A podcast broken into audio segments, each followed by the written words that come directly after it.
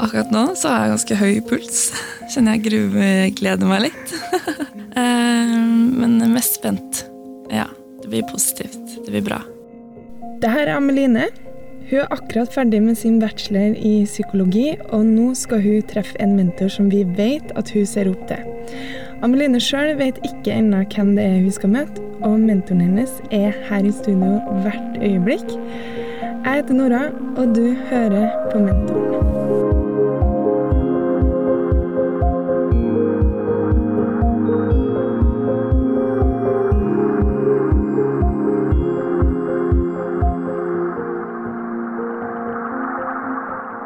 Da dagens mentor var på Amelines alder, så var hun ikke helt sikker på hvor veien skulle gå. Eh, Da var jeg i Bergen og hadde akkurat eh, studert eh, journalistikk ett år på en sånn privat høyskole. Og så fant jeg ut at jeg hadde ikke lyst til det, så jeg slutta. Så der var jeg liksom på den tida her nå. Da jeg, skulle, jeg hadde fått resten sommerjobb som eh, i en avis. Og så etter det så begynte jeg på spansk.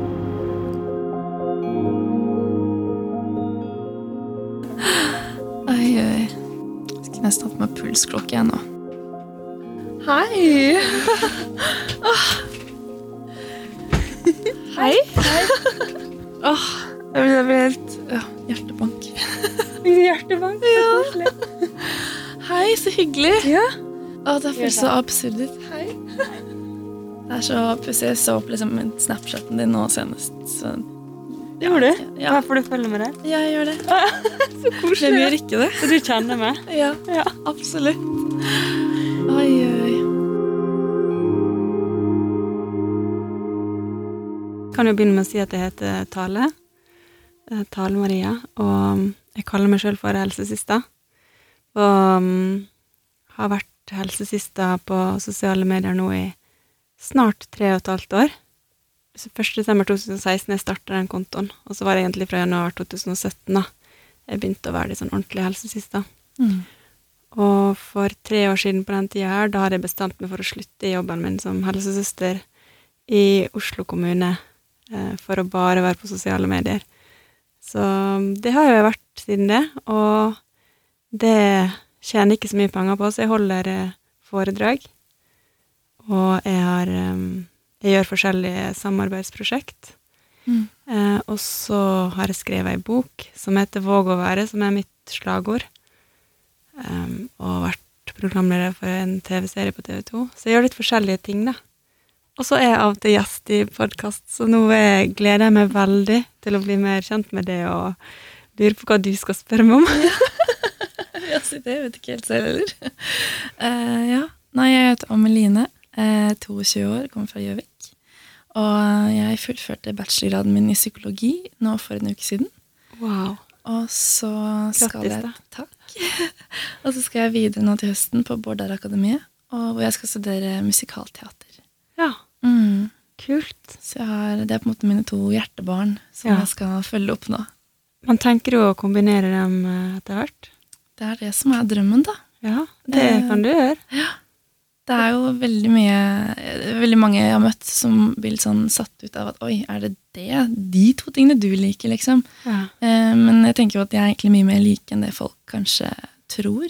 ja, det er veldig likt. Mm. Det handler på en måte i bunn og grunn begge deler om folk, da. Åssen ja. vi er som mennesker, åssen vi blir, åssen vi oppfører oss, hvorfor det. Ja. Eh, det er kanskje ikke det jeg syns er så innmari spennende, da. Ja. Jeg syns det var en kjempefin kombinasjon. Mm. Takk. Ja. Syns jeg òg.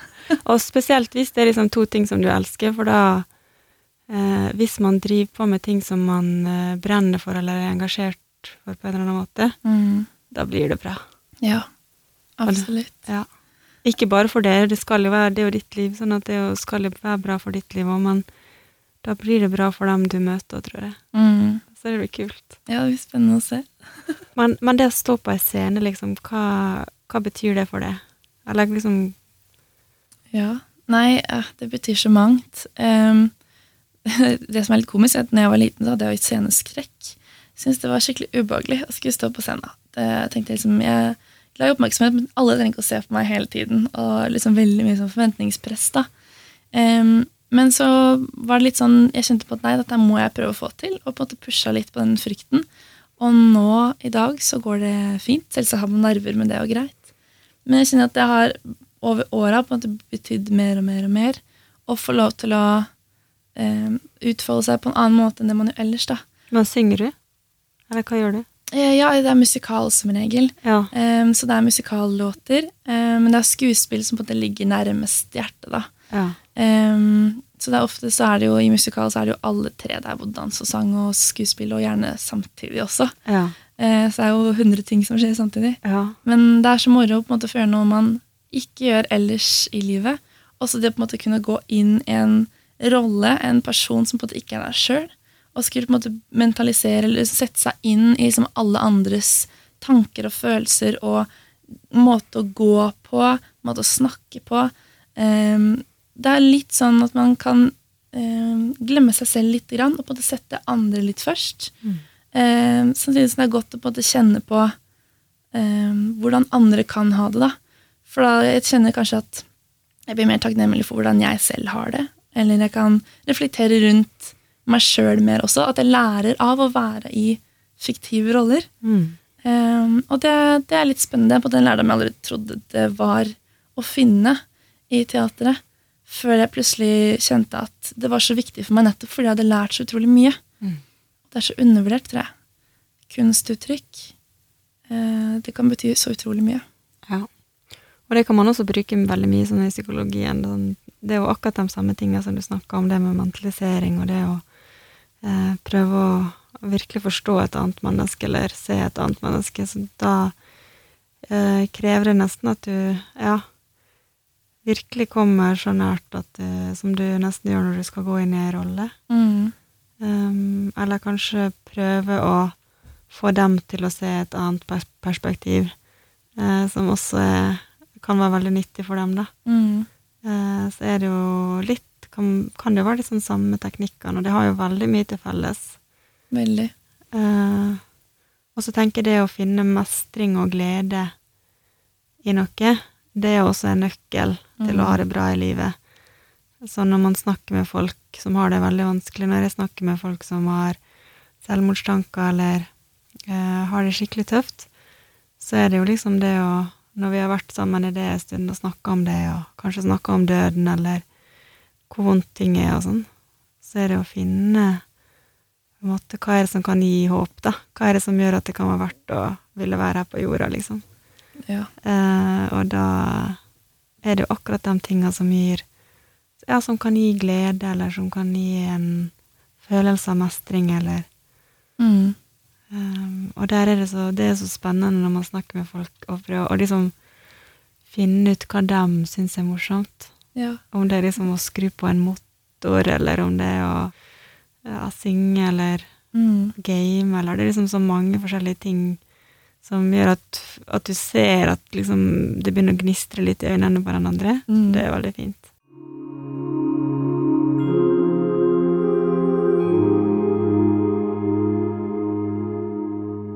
Jeg er veldig god på å planlegge, og så har jeg på en måte over åra lært at det er ikke alltid det er mulig å planlegge alt. Nei. Det er litt skummelt, men samtidig litt godt å vite at jeg ikke kan få bestemt absolutt alt nå. Um, så jeg håper at det på en måte ordner seg. Tenker litt sånn som med deg òg, at du plutselig bare fant ut at nei, nå skal jeg bli helsesøster på Snapchat. Det er jo ikke sånn man kanskje har planlagt. Nei, jeg er veldig dårlig på å planlegge det, Ja. i motsetning til det. Så det er jo en av mine eller, ah, Jo, eller vet du, kan hende jeg snakker meg sjøl litt ned nå, for det er jo aleine med to barn og um, aleneforsørger og sånn. Jeg må planlegge ganske mye, faktisk, for å få til å kombinere det livet som jeg ikke viser frem på sosiale medier og sånn, da. Um, så det krever en del planlegging, og at uh, når jeg skal reise og holde foredrag, så må noen passe dem og sånn. Men jeg har, jeg har en lillesøster som er kanskje litt mer sånn som du, da. Som er veldig god på å planlegge og gjøre liksom alt sånn administrative ting, og Mm. det er hun helt rå på. Så hun hjelper jo meg veldig, sånn at det er jo litt juks. Jeg får jo veldig masse hjelp fra henne. Men uh, ellers så er jeg veldig dårlig på å planlegge, altså. Så jeg hadde jo ikke planlagt å bli helsesista eller på noen som helst måte. Nei. Det er ikke sånn de beste tingene skjer òg, at det bare skjer innimellom. Jeg tror egentlig det, for da er det ekte, og så er det mange som tenker åh, hvorfor gjorde ikke jeg det, liksom, og kanskje jeg skal prøve å gjøre det. Altså, Mm. da funker det ofte ikke sånn. Nei. Um, for det, ja, det er nok en kombinasjon av, av at man treffer på veldig mange ting, da. Mm. det uh, Så jeg følte jo jeg fikk ei gave, liksom, når uh, alle ungdommene begynte å følge meg helt sånn av seg sjøl. Ja. Og du var jo sikkert en av dem. Ja. Da var du eh, 19, kanskje? Mm. Nei. Nei, du begynte kanskje ikke, du har kanskje ikke fulgt med så lenge. Jeg har fulgt deg hele veien. Har du det? Jeg har det. Men hvordan fant du meg der, da? Det var litt sånn eh, Jeg husker jeg hadde jo akkurat begynt på psykologistudiet. Eh, og alle var jo veldig opptatt. Liksom, dette var på en måte hele livet. Enda mer eh, Du er på en måte så inne for så nytt og spennende til studiet. Og jeg husker alle bare gikk rundt og prata på helsesista, helsesista, og jeg skjønte liksom ikke helt hva eh, var snakket jo om med en gang, liksom. Og så tenkte jeg å finne det ut, da. ikke sant?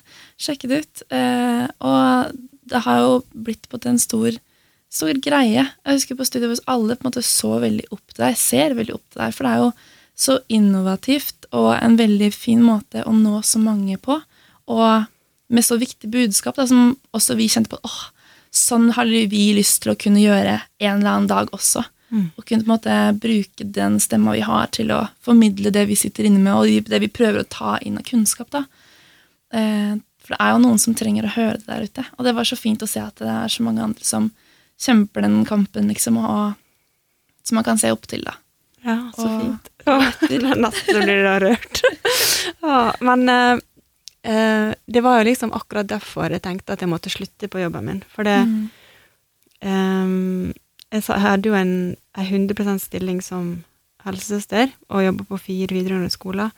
Og så sa, husker jeg sjefen min sa sånn Tale, nå må du liksom, nå må du fokusere på det som er jobben din.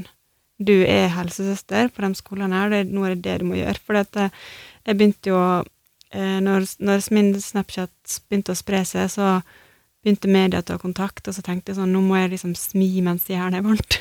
så da sa jeg ja til liksom så mange intervjuer jeg klarte, og prøvde liksom å bare ja, kjøre hardt da med helsesista. Mm. Eh, og hadde jo lyst til egentlig å gjøre det hele tida. Så jeg satt jo ofte på kontoret mitt på jobb og bare klødde etter å gå inn på den Snap-kontoen, og det var liksom Jeg merka jo effekt på skolen av at eh, plutselig så begynte guttene å komme eh, på en helt annen måte enn før, fordi de begynte å følge med på Snap, og så ble de litt grann kjent med meg, og da var ikke det så skummelt å komme på kontoret. Mm. For det at plutselig så kom det gutter på kontoret som jeg aldri hadde snakka med før, og bare satte seg ned i den grønne sofaen jeg hadde, og begynte å gråte og snakke om ting som var liksom langt inni dem.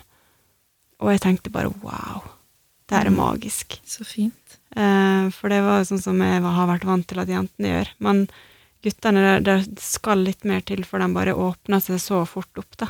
Mm. Og da skjønte jeg at Da skjønte jeg hva slags effekt Snapchaten hadde hatt, at når de fulgte med og ble litt sånn kjent med meg gjennom å se meg på snappen sin, så var ikke jeg så skummel. Eller da, da var det mye tryggere for dem. Da, da hadde vi allerede en slags relasjon, selv om eh, ikke jeg kjente dem. Akkurat som du òg sikkert føler at du liksom kjenner meg litt mye mer enn jeg kjenner det. Mm. Um, og, og da skjønte jeg også hvor viktig det med relasjon er når man skal ha sånne type samtaler, da. Mm. At det å bygge relasjon med folk du skal eh, kanskje hjelpe på en eller annen måte, eller lære noe, eller være der for, eller være en støtte for, eller Det er kjempeviktig, og det tror jeg ikke alltid blir vektlagt nok. Mm. Um, så da var det sånn Når jeg tenkte sånn Oi, her kan jeg nå veldig mange med et eh, ja, helsefremmende og forebyggende liksom perspektiv, da, arbeid. Mm. Da tenkte jeg nå må jeg bare satse, selv om jeg ikke vet om jeg kommer til å få noe inntekt på det her. Ja.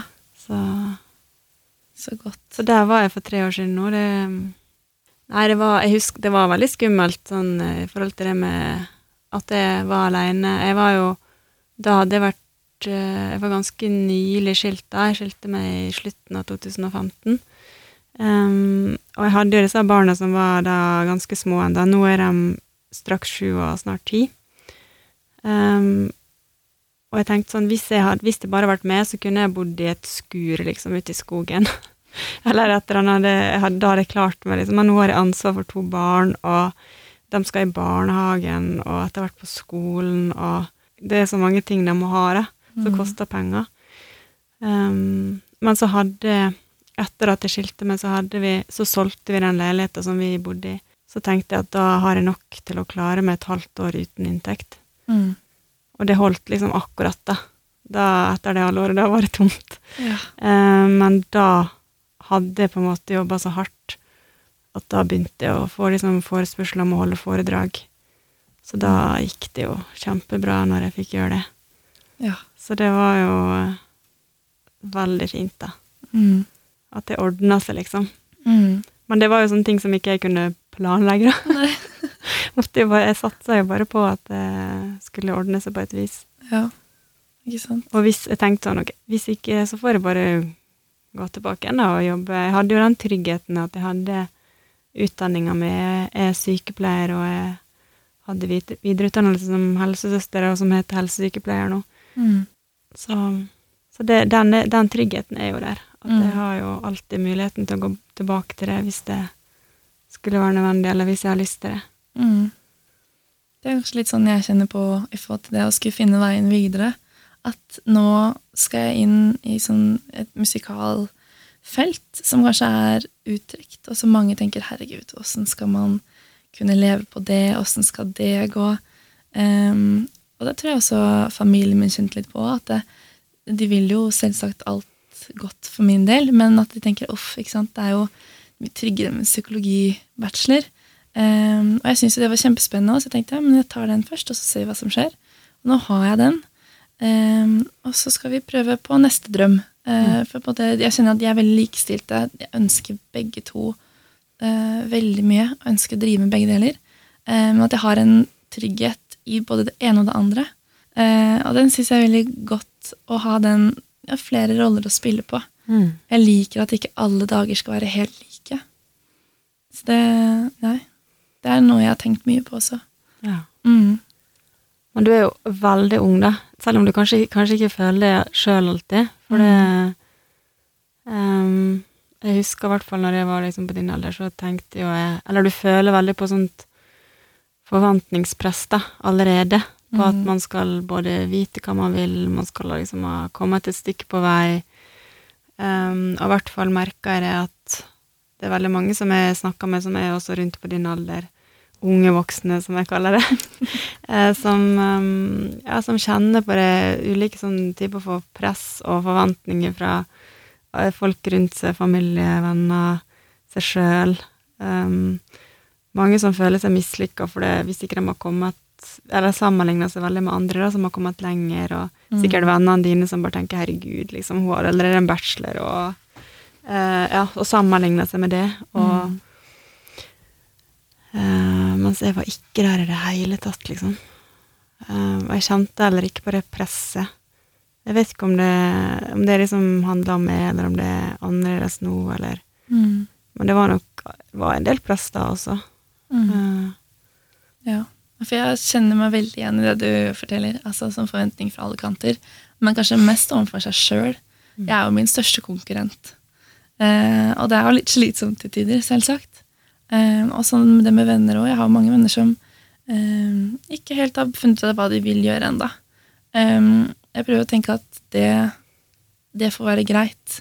Eh, og samme som at det får være greit at jeg har gått rett videre. Og man, så lenge man måte trives i det man gjør. Mm. For jeg har brukt mye tid på det.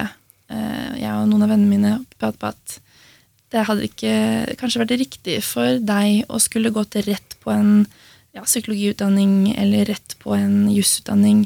Eh, mens for meg så føltes det veldig rett akkurat da. Men på den annen side så har jeg på en måte mistet ting som de har ikke gjort. De har vært på folkeskole, de har reist jorda rundt. Det har ikke jeg fått gjort ennå. Mm. Um, så det er jo på en måte veldig individuelt. Tror jeg alle, Og alle kjenner på forventning til ulik grad. Så jeg tenker hvor mye man klarer å stå i det valget man har tatt. da. Mm. Og det er jo ikke alltid så lett. Men jeg kjenner akkurat nå, til å ja, bare være veldig ung, da, til å være 22, så kjenner jeg liksom at dette er hvor jeg har lyst til å være nå. Og dette er det jeg føler at jeg er nødt til å få gjort. Disse to utdanningene, dette er det jeg er nødt til å gjøre. Um, for det viktigste for meg, jeg har lyst til å jobbe med mennesker, det er egentlig på en måte det, det alt koker ned til, på et eller annet vis. Jeg har lyst til å hjelpe mennesker, enten om det er på et samtalerom, eller om det er på en scene for å formidle et eller annet viktig. Um, så jeg kjenner at det er det jeg tror jeg kunne passet godt til, og det jeg har skikkelig lyst til å gjøre. Og jeg tror jeg kunne gjort en god jobb på det. Mm. Um, ja. Og det uansett hvordan man kommer seg fram til det endemålet, da. Om det er å gå rett på utdanning, eller om det ikke er det, eller om man bruker litt tid, snakker med venner, jobber litt, reiser litt, så er det greit. Men den har jeg også brukt lang tid på. på en måte, Det er ok for meg å stresse litt. For det, akkurat nå så kjenner jeg at jeg er nødt til å få gjort akkurat det her. Um, men alt med måte, da. Ja.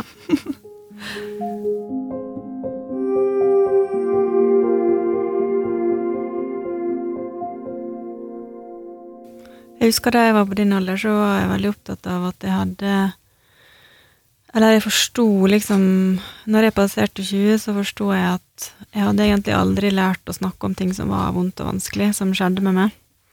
Jeg holdt ting inne med Jeg sa ingenting til foreldrene mine når jeg opplevde ting i tenåra. Um, jeg hadde ei venninne som jeg sa en del til, og så hadde jeg helsesøster som jeg sa en del til. Eller så sa jeg ingenting til noen. Og jeg husker jeg, hadde, jeg innkalte til et slags familiemøte en gang, der jeg det var litt sånn anklagende, kanskje, mot uh, foreldrene mine. Jeg sa sånn Hvorfor har ikke dere lært oss å Vi er fem søsken. Um, hvorfor har ikke dere lært oss å snakke om ting som er vanskelig? Vi har bare snakka om liksom, de fine tinga, vi har, vi har, dere har ikke lært oss å liksom, diskutere ting som uh, ja, som er vanskelig eller komplisert, eller liksom si meningene, eller si fra hvis vi opplever noe vondt, eller ja. Mm. Og så husker jeg mamma ble litt sånn, litt sånn sint. Um, det gikk ikke så bra med det familiemøtet. Nei. Men um, det var noe som jeg var veldig opptatt av, og jeg tenkte sånn, og jeg skjønte at ok, det er ikke noe som jeg har trent på gjennom oppveksten. Det var sånn, Hvis jeg, hvis jeg havna i en diskusjon da, der noen var uenig med meg, så kanskje da begynte jeg heller å gråte. Jeg klarte liksom ikke å Mm. helt å si hva jeg mente. Jeg klarte ikke å uttrykke ting som var vanskelig inni meg. Så tenk, da tenk, tok jeg et valg om at nå må jeg begynne å øve på det. Mm. Så begynte jeg å øve og snakke til venninnene mine, fortelle om ting av og til jeg ikke hadde det bra, eller ting som jeg hadde opplevd for en stund siden. Mm. Eh, og så merka jeg liksom at det gikk fint, og så fortsatte jeg å øve. Eh, sånn at det går an å, hvis man blir bevisst på ting, og bare ta et valg og begynne å øve. Sånn, ja, det er vanskelig å snakke om hvordan jeg egentlig har det, eller hva jeg opplever, men Og det krever mye mot, men jeg kan kanskje jeg kan begynne å øve meg, og så kan jeg si litt og litt mer, eller jeg kan Mm. um, Det tror jeg er litt Ja, det er litt uh, fint, da. Mm. Å vite at man alltid kan øve seg, Ja. og at vi kan øve oss hele livet, liksom. Så jeg vet, når jeg blir 80, så skal jeg sikkert, Det er det sikkert noe annet jeg skal øve på. Ikke sant? Men jeg blir aldri ferdig å utvikle meg da, eller å endre meg, tenker jeg. Mm. Det jeg også er veldig viktig eh, for min egen del også, og kanskje for, også spesielt for de som er enda yngre, å høre at man blir aldri helt ferdig. At det er ikke noe man skal bli ferdig med, men det er en sånn prosess som på en måte pågår hele, hele, hele tiden. Og det å prøve å dra med seg det som er positivt på veien, Mm. Og, og det som er negativt, selvsagt også. Um, tenker jo alt, alt med måte Ja. um, på de fleste ting i livet. Mm. At, eh, det er mye, mye lærdom å hente i det. Og bare det å slå seg til ro med at jeg får ikke Jeg kan ikke alt i morgen, og det er greit. Mm. Jeg kan ikke alt når jeg går bort om 60-70 år, liksom. Men det er greit. Jeg får liksom få med meg det jeg klarer. Det, er- altså, og så er det, er veldig interessant liksom også å tenke på hvor For det vi ser jo at vi er ulike på utsida, Mm. eh, alle sammen. Men at vi også opplever verden ulikt. Mm. Det er også ganske interessant, og det er at det, det fins ingen objektiv sannhet om hvem du er, eller hvem jeg er. Eh, hvis du spør ti forskjellige personer hvem er helsesøster egentlig, Mm. så får du liksom Noen vil si sånn 'Å, hun er liksom helt fantastisk. Hun er som en engel sendt fra himmelen. Eh, og så noen vil si sånn Nei, uff. Hun er sånn flåsete 40-åring som går rundt i hettegenser og tror hun er så kul. Mm. Eh, det er jo liksom Ja, det er som å finne så mange sannheter, da. Eller hva Mm. folk tenker, og det, og det at vi ser, og det at vi opplever verden og mennesket så ulikt, da, det er Mm. ganske interessant. Ja, det er det. Ja. Veldig. Og da, og da tenker jeg sånn i forhold til psykologi, da, der ofte det er veldig fokus på Eller ofte så er det sånn at det er veldig mye fokus på sykdom, som du sa, eller Mm. diagnose, eh, og at man kanskje henger seg litt opp i det. Eh, mens jeg bruker å si at jeg, jeg driter i hva slags diagnose dere har, eller Mm. jeg driter i hva slags karakterer du har, eller hvor mange mål du skårer på fritida, sånn, men hvem er egentlig du, og hvordan har du det akkurat nå? Mm. For om du hadde hatt en diagnose, så hadde ikke da, ing, For meg så sier det ingenting om det. Mm. Jeg vet ikke hva det betyr. Mm. Jeg vet ikke hvordan du har det ut ifra at du har en diagnose. Mm. Og for alt jeg vet, så kan den være helt feil. Em, men jeg tror det er veldig mange som kanskje har fått en diagnose, som opplever at eh, at det er veldig mye fokus på den diagnosen. Mm. Og at det ikke At liksom den de snakker med, egentlig ikke bryr seg så mye hvem, hvem jeg er, og hvorfor har jeg fått det sånn vanskelig som det her, og Mm. um, Hvordan har jeg det akkurat nå? At det, det er ikke det som får fokuset, da. Mm. Det er veldig viktig. Og da kommer man ofte Det bygger ikke så veldig mye tillit, eller det lager ikke så sterk relasjon hvis man ikke føler at den andre personen egentlig bryr seg om hvem du er, og at man legger litt bort alle de andre Mm. tinga. Og det, det kan være litt vanskelig inne i disse her noe store systemene våre, der alt er veldig standardisert, og man har masse prosedyrer, man har masse skjema, man har ting man skal krysse av, og Mm.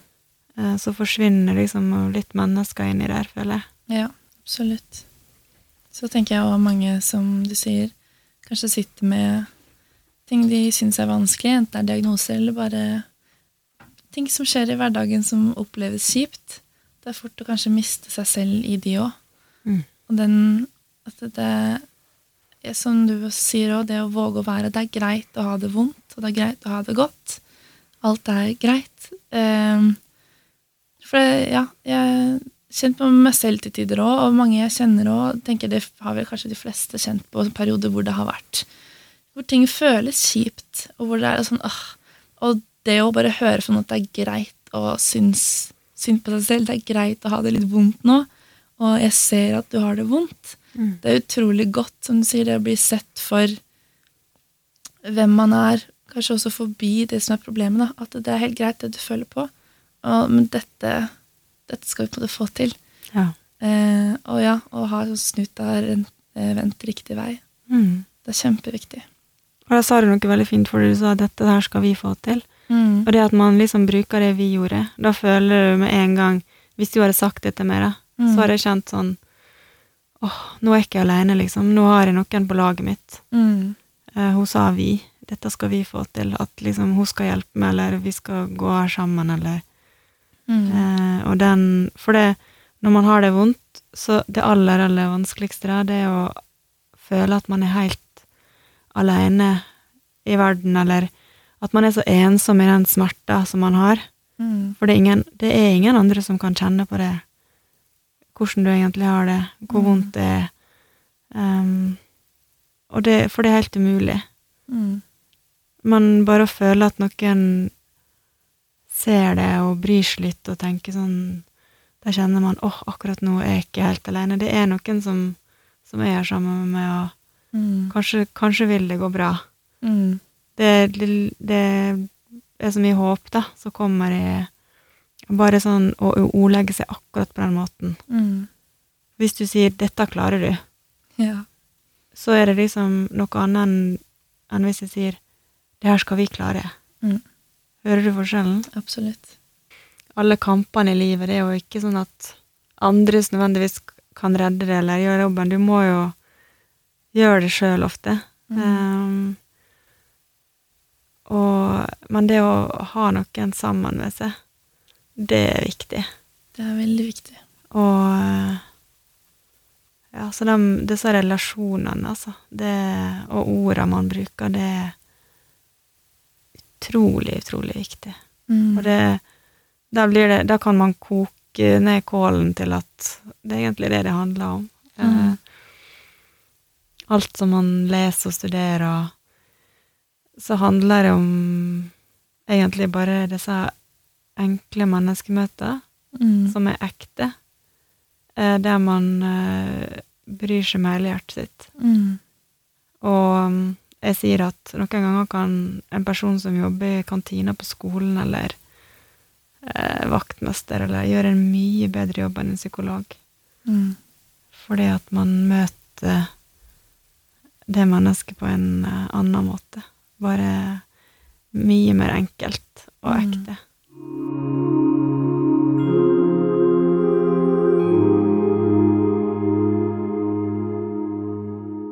Tenkte på med foredragsholding. Ja. Det er jo mildt sagt noe som appellerer til meg veldig. Jeg syns det er kjempespennende. Eh, den perfekte kombinasjonen av mine to hjertebarn.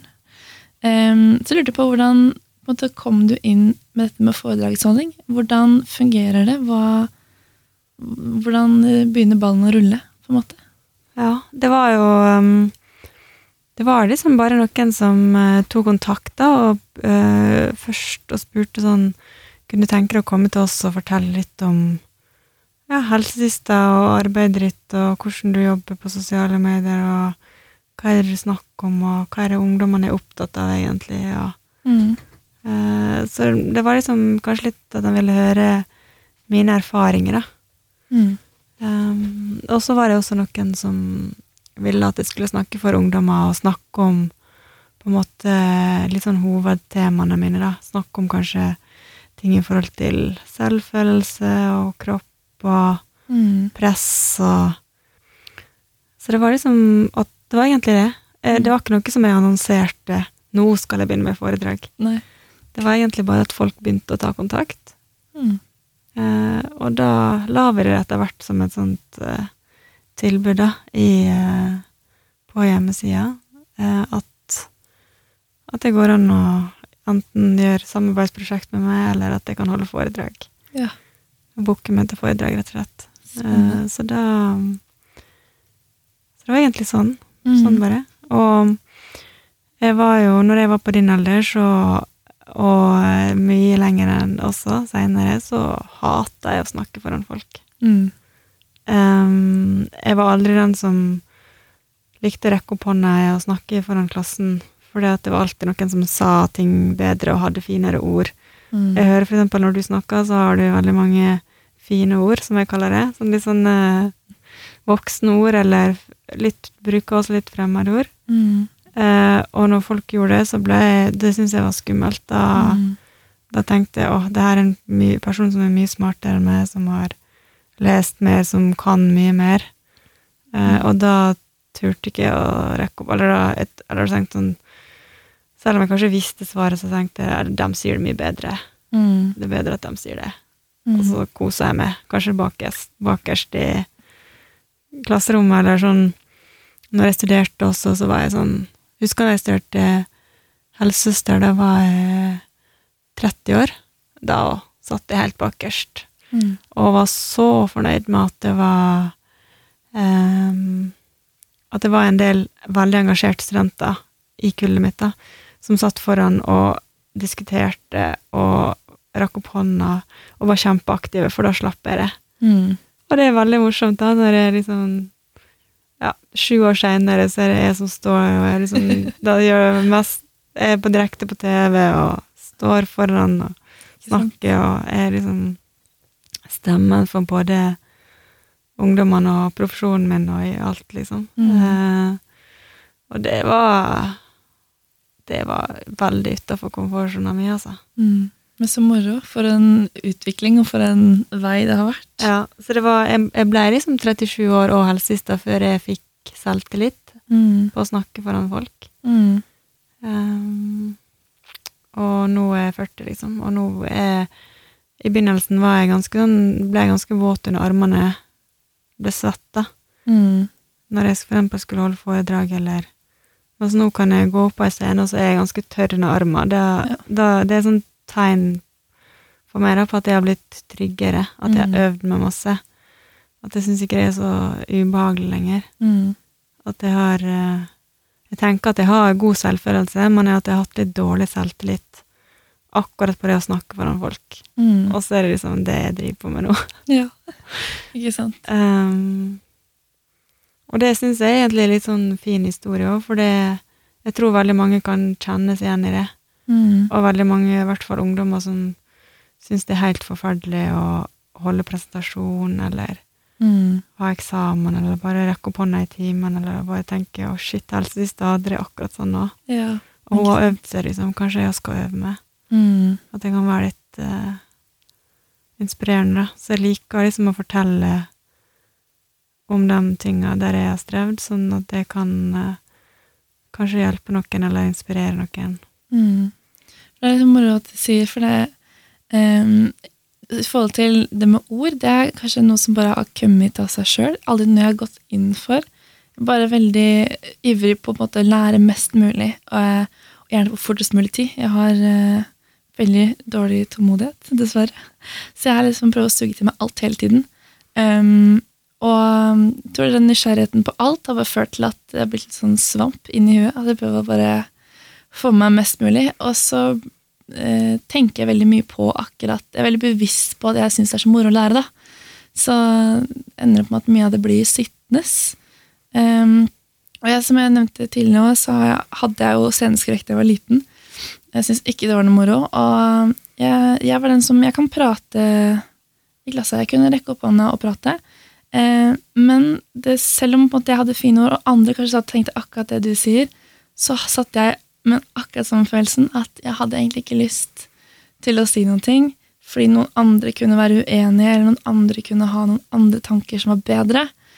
Eh, så jeg kjente jo bare på bachelorgraden nå også. ikke sant? Da syns jeg på en måte at jeg hadde blitt såpass voksen at herregud, skjerp deg nå.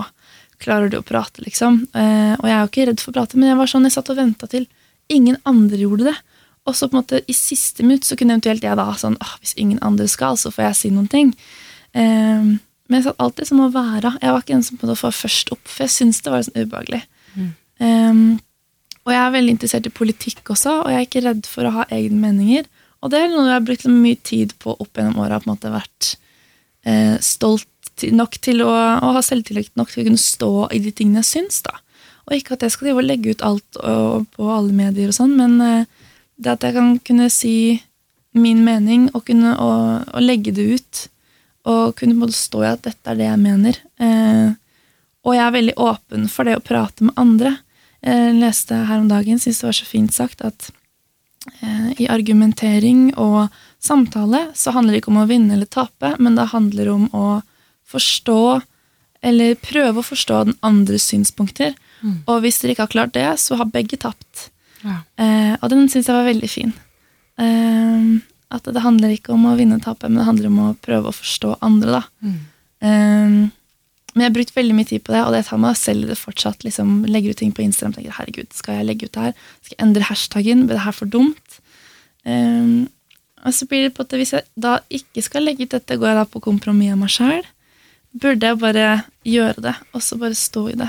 Mm. Uh, aldri, alle kommer jo aldri til å være helt enig med meg. Det kommer alltid til å være noen som er uenig. Det kommer alltid til å være ja, som du vi prata på i stad, dette med individet, ulike sannheter. Mm. Eh, men dette er min sannhet, da.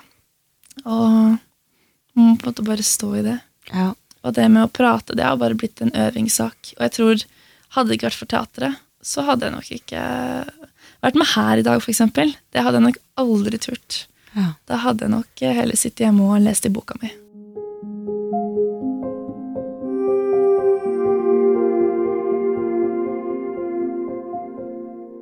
Nå har vi sittet og snakka ganske lenge, Mm. og um, du visste jo ikke at du skulle møte meg. Um, vi har snakka om mye forskjellig. Hva tenker du liksom Hva sitter du igjen med nå, akkurat nå, som du etter vår samtale? Mm. Jeg sitter igjen med veldig mye. Eh, veldig mange tanker inni huet mitt. Eh, tenker først og fremst at eh, det var utrolig moro og hyggelig å få møte deg og få prate med deg. Eh, og jeg har fått en enda større forståelse for hvor viktig det arbeidet du gjør, er. Og kjenner enda mer på at jeg gleder meg virkelig til å kunne få lov til å gjøre noe av det samme eh, selv i fremtida. Bare få være del av brøkdel av det hadde vært eh, helt fantastisk. Eh nei, det er kjempeviktig. Kjempeviktig.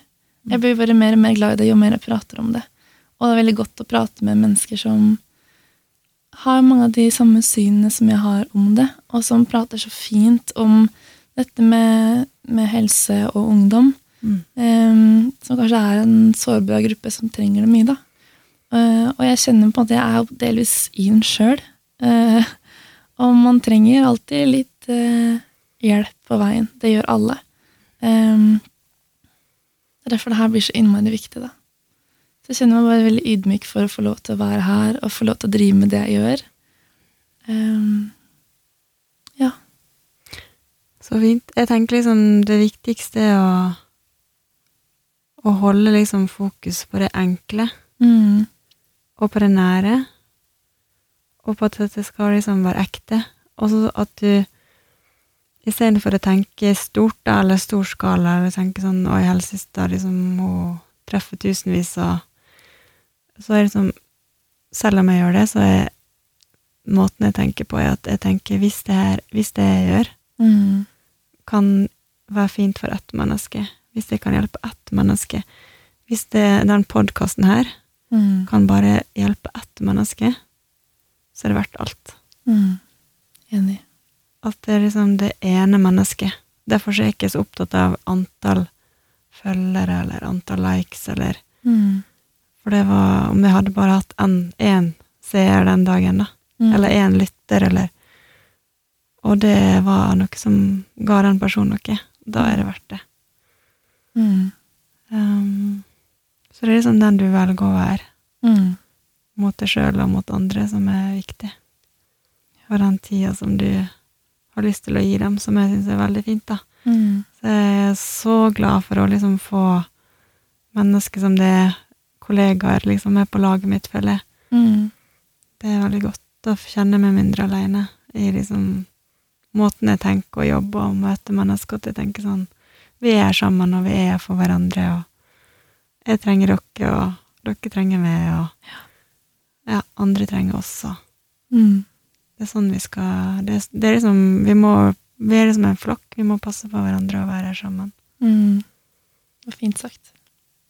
Kan jeg si Eh, tusen takk for at jeg, du kom hit i dag. Det var veldig veldig hyggelig å prate med deg. Ja, det var veldig koselig å prate med deg òg. Ja.